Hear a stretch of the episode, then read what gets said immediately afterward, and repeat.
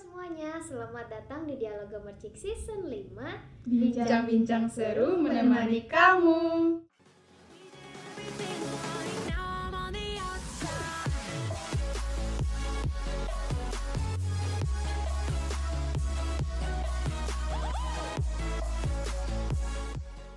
Hai hai hai, balik lagi nih di Dialog Mercik Masih bareng aku, Resa Novia dan Aku Elila.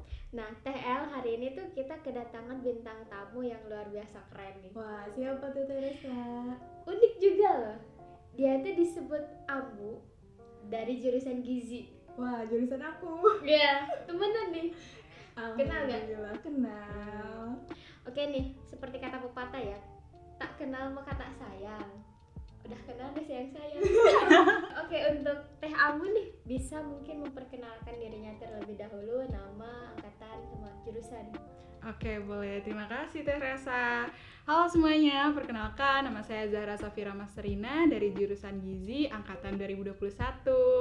Salam kenal. Salam kenal juga, Teh Zahra. Nih, ada apa nih kita ngundang anak gizi kemari TL tahu nggak kira-kira apa? Eh, kita mau bahas seputar Idul Adha. Nah, betul. Jadi kan sebentar lagi kita akan menyambut Hari Raya Idul Adha gitu kan. Yang mana itu tuh identik dengan kayak kurban sapi, kurban kambing. Iya. Jangan sampai kurban ayam. Aduh. ya pokoknya ngomongin Idul Adha itu juga pastinya identik dengan daging. Kurban. Nah, ah, daging. Kurban daging gitu kan. Nah, kalau kita dapat banyak nih daging kurban itu tuh bisa tembus sampai 2 kiloan loh teh ya. Pernah Hmm. pernah dapat gak sih gitu? Pokoknya ya berkah lah ya di Idul Adha ini tuh. Nah, tapi kan mengkonsumsi daging itu tuh ada takaran dan batasnya ya, Teh. Zara. Betul, ya. Eh, tapi aku di sini nyamannya manggil Anggu aja deh. Terserah Teresa aja. Nah, ada batas dan takarannya gitu. Hari ini kita akan membahas seputar daging dan mungkin akan menyentil sedikit ke kesehatannya gitu kan. Yang mana Teh Ambu ini kan dari jurusan gizi. Iya. Pastilah sedikitnya jauh lebih tahu gitu Iya, kan insya Allah ya. eh, mengenai kesehatan ini gitu. Iya. Hal seperti ini. Nah, yang pertama, Resa mau nanya nih tanggapan Teh Ambu sendiri terkait fenomena Idul Adha gitu. Yang tadi kan bilangnya identik daging nih kurban gitu. Oke, Eh, fenomena Idul Adha ya. Nah sebelumnya kan kita sebagai umat Muslim ya tahu Idul Adha itu adalah momen untuk memperingati pengorbanan Nabi Ibrahim yang ikhlas untuk menyembelih anaknya, yaitu Nabi Ismail atas perintah Allah Subhanahu Wa. Nah, hukum melaksanakan kurban itu sendiri wajib bagi orang yang mampu atau memiliki keluasan rezeki untuk berkurban. Sebagaimana disebutkan dalam Al-Qur'an surah Al-Kautsar ayat 1 sampai 2. Sesungguhnya kami telah memberikan nikmat yang banyak, maka dirikanlah sholat karena Tuhanmu dan berkurbanlah. Nah, tapi di sini kan kita sebagai mahasiswa ya, ada yang alhamdulillah udah bisa berkurban tahun ini, tapi ada juga yang belum. Nah, kita di sini sebagai mahasiswa itu eh, bisa berkurban dalam hal lain. Seperti kita mengorbankan waktu istirahat dan bermain kita untuk menuntut ilmu di universitas.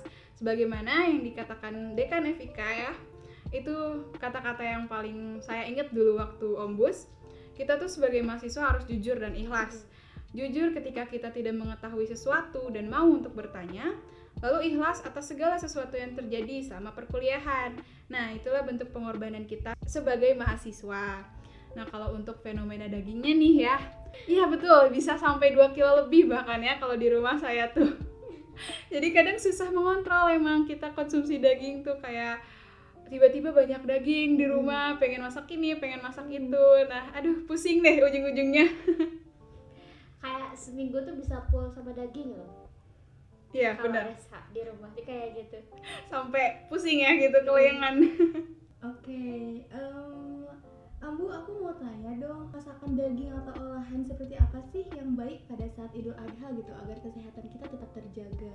Karena kan tadi udah dikasih tahu ya, Mhm. udah dibilang juga tiap hari tuh konsumsi daging, gitu kan. daging.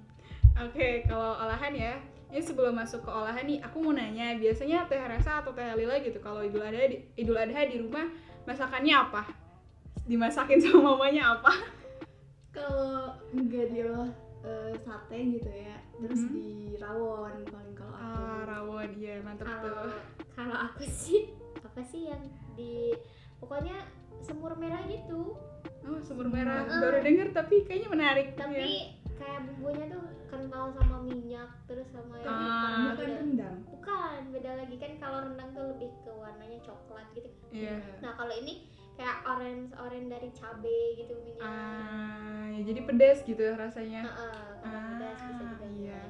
Tuh kan rata-rata tuh kalau di rumah ya masaknya tuh yang kayak gitu gitu kayak yang bersantan, yang berkuah Hmm. gitu, yang kayak akan bumbu lah gitu. Iya. Menggoda sih banget malah. Iya.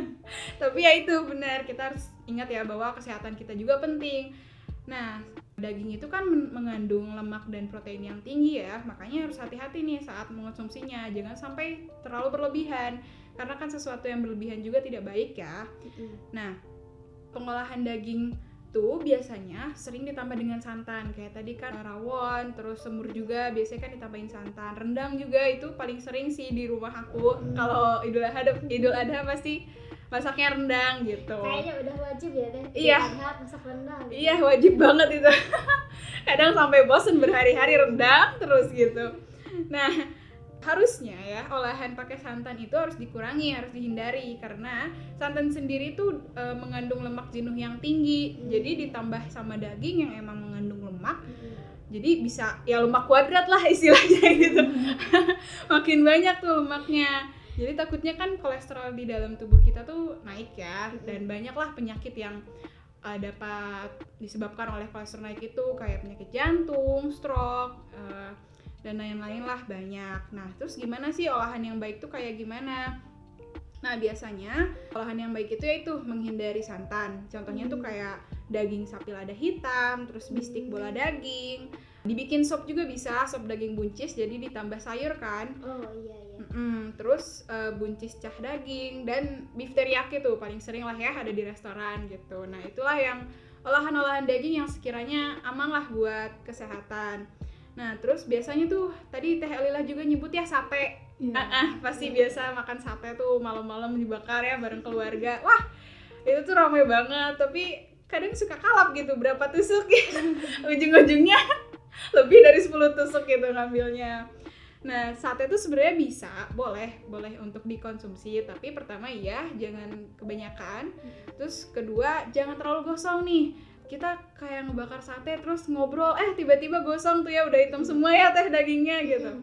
Nah, itu tuh harus dihindari karena si gosongnya itu tuh mengandung zat karsinogen yang yang mana itu dapat memicu kanker gitu. Hmm. Makanya sebaiknya untuk olahan itu yaitu menghindari santan dan juga mendampinginya dengan sayuran hijau biar ada seratnya gitu teh betul jadi kayak kelihatannya gitu juga lebih sehat ya iya Lebih- betul ya enak tapi gak sehat Enak kok. eh, yang tetap enak gitu. emang cuma kita pikirannya udah kayak Mm-mm. wah makanan sehat tuh nggak enak enggak loh sebenarnya enak-enak gitu nah Nete ngomongin soal penyakit tadi kan Iya. karena disebut ini kolesterol yang mana penyakit kolesterol itu sebenarnya sensitif sama yang namanya lemak kan ya jadi kolesterol itu emang penyakit yang sensitif dengan konsumsi lemak gitu Iya, nah iya. sedangkan kan kita tahu kalau daging itu sendiri merupakan penyumbang atau penguat gitu penyakit kolesterol iya mm-mm. nah tapi kan kasihan juga ya orang-orang yang punya penyakit kole- kolesterol nggak bisa makan daging gitu Mm-mm. Nah mungkin itu tuh bisa diakalinya dengan memperhatikan jumlah konsumsi dagingnya. oh iya Bisa nggak? iya bisa kok bisa Nah untuk sehari sendiri berapa banyak sih daging yang seharusnya dikonsumsi? Oke, kalau untuk orang normal dulu ya, aturan makan daging per hari itu sebaiknya nggak lebih dari 50 sampai 70 gram per hari atau 350 sampai 500 gram per minggu. Ini ukuran daging yang udah masak ya, gramannya tuh. Nah, agar lebih aman, pastikan porsi makan daging itu nggak lebih dari tiga porsi dalam seminggu. Jadi kan kayak tadi kita biasanya seminggu tuh daging, terus abis Idul Adha tuh ya Iya. harusnya tuh cuma tiga porsi aja loh gitu terus biasanya juga diperkirakan tuh eh, setiap kali satu porsi ya. Itu tuh sebanyak dua potong atau dua per tiga dari setengah piring makan yang terdiri dari makanan pokok dan sayur mayur gitu sih. Jadi untuk orang yang kolesterol mungkin bisa mengonsumsi daging di bawah apa dengan takaran di bawah itu atau tetap di situ jadi nggak boleh lebih gitu loh. Jadi kalau ibaratkan yang normal itu tiga, yang kolesterol tuh bisa satu setengah lah ya atau Iya, satu satu gitu. setengah atau dua juga boleh lah, kasihan ya. Iya, betul. Eh, berarti aman-aman aja ya Teh Zahra kalau misalnya konsumsi daging setiap hari gitu asal sesuai porsinya gitu atau gimana nih Teh? Kalau setiap hari nggak disaranin sih, karena kan tadi minimal ya, eh maksimal tuh tiga porsi dalam seminggu. Jadi kalau setiap hari berarti tujuh tujuh porsi, tujuh sehari tiga kali makan. Aduh berapa porsi itu? Banyak ya, nggak hitung lah. Hmm, berarti tidak disarankan makan Iya. daging Iya. setiap hari gitu ya Iya. Jadi buat teman-teman yang nanti banyak daging itu lebih baik dibekukan dulu aja Iya, gitu simpen jadi stok gitu ya. Oke, mungkin eh, Teh Zahra bisa bagiin atau ceritain nih tips and trick eh, agar tetap sehat di saat gempuran daging Idul Adha gitu Teh. Oke, gempuran daging ya. Nah, saat Idul Adha itu ya kita benar-benar harus mengontrol jumlah daging yang kita konsumsi ya. Kalau dari aku sih hmm, ada nih, ada empat tips ya. Yang pertama itu satu ya, hanya mencicipi saja. Sulit sih ya Iya, terdengarnya gitu. Tapi ya mau nggak mau harus dikontrol gitu. Jadi kita tuh harus menekankan ya dalam diri bahwa nggak boleh makan berlebihan gitu. Jadi kalau ada olahan daging di rumah gitu, makan secukupnya aja lah, cicipin Dalam aja gitu. kecil ya? Mm-mm, dalam porsi kecil aja gitu. Nah, jadi kayak misalnya makan sate tuh ya kayak tadi Ganyadar udah 10 tusuk ke atas gitu. Nah, lain kali mah 2 sampai 3 atau ya 2 sampai 5 juga nggak apa-apa lah ya gitu. Gitu yang pertama. Nah, terus yang kedua tuh pastinya eh, diikuti dengan konsumsi buah dan sayur ya, itu penting. Karena kenapa? Soalnya daging tuh kan sulit dicerna ya oleh lambung dan usus ya karena ya banyak eh, lemaknya tadi gitu. Nah, maka diperlukan serat dari sayuran untuk membantu melancarkan pencernaan. Tuh, contohnya sayuran yang bisa dimakan sama daging tuh selada kayak ini loh. Yang apa sih? Barbecue barbekyuan itu? Mm-mm. Ya, selada kan suka ada selada, buncis, timun dan kubis. Terus kalau buahnya itu bisa berupa apel, kiwi, pisang dan mangga. Nah, pokoknya sayuran dan buah yang tinggi serat gitu yang harus diutamakan tuh. Terus, oh mau ngelurusin satu hal nih ya. Biasanya tuh eh, kalau orang makan daging katanya gak boleh makan semangka. Nah, tapi gak tahu tuh kenapa ya, ya kan? Pernah denger kayak gitu pasti teteh ya. Nah, kenapa nggak boleh itu karena semangka tuh kan bersifat dingin ya, sedangkan si daging tuh bersifat panas. Jadi kalau misalnya dikonsumsi berbarengan, nah si lambung tuh kaget gitu kayak panas dingin gitu. Waduh. Jadi kasihan lambungnya gitu. Sebenarnya nggak bolehnya tuh lebih ke itunya sih, bukan karena kandungan semangkanya gitu. Gitu. Terus selanjutnya eh, yang ketiga ya olahraga pastinya ya. Gak hanya setelah makan daging, olahraga juga tuh sangat penting bagi tubuh. Nah, untuk menghindari adanya tumpukan lemak akibat konsumsi lemak jenuh yang tinggi ya dari daging tadi, kita tuh disarankan untuk ber- berolahraga sebanyak tiga kali dalam seminggu dengan durasi minimal 30 menit. Nah, bisa nih kan misalnya eh, malamnya tuh habis bakar-bakaran ya sama keluarga, nah paginya tuh ajak keluarga buat olahraga gitu. Jangan tiduran aja terus seharian Biar sehat rebahan. gitu ya. Mm-mm, betul. Biar sehat semuanya gitu. biar lemak jenuhnya jenuh lagi dikit, Bener. jenuh. lemak tidurnya nggak jenuh lagi Bisa ditidurin. ah, ah betul. Kuadrat. Gitu. Bener banget ya jadi kayak gitu. Diajak olahraga tuh keluarganya. Terus yang terakhir sih tips dari aku ya berbagi. Nah menurut ajaran Islam hikmah berkurban itu adalah untuk berbagi kepada orang lain. Yang baik yang mampu ataupun tidak mampu nah jadi ketika kita tidak mampu menahan rasa untuk mengkonsumsi daging berlebihan lebih baik kita membagikan dagingnya kepada orang lain yang lebih memerlukan. Jadi kita dapat manfaatnya, orang lain juga dapat manfaatnya, gitu sih teh. Gitu ya. Iya, gitu. Masya Allah. bener-bener bintang tamu kita kali tuh penjelasannya rinci banget ya Ren. Saya tuh sampai terkagum-kagum gitu ya teh. Termotivasi untuk nanti Idul Adha jangan makan daging berlebihan Iya, betul. Iya. Ah, Oke nih, kita kan udah ngomong panjang lebar nih seputar daging dan Idul Adha. Pengen tahu nih pengalaman Ambu sendiri gitu kan pas. Idul Adha yang mana kemarin-kemarin tuh kita sempat eh, apa kena virus kan nah pengalaman yang pas virus sama sesudahnya gitu sebelum Oke, sama yang jadi- sebelumnya sebelum pandemi sama sesudah pandemi ya teh nah, Mm-mm. itu. Nah, kalau itu sih sebenarnya nggak terlalu banyak perubahan ya, karena kalau keluarga aku sendiri ya, tradisi keluarga aku tuh Idul Adha tuh nggak pulang kampung. Jadi ya udah di Tasik aja gitu diem karena ya emang uh, orang tua tuh kurbannya tuh selalu di Unsil atau di sekitar apa di Perum gitu. Jadi nggak bisa pulang kampung kan karena harus Iya, hadir iya. kan saat penyembelihannya gitu. Nah, cuma yang berbeda tahun ini sih karena tahun lalu tuh dua tahun ya kita pandemi ya kejebak sama si covid ini nih gitu.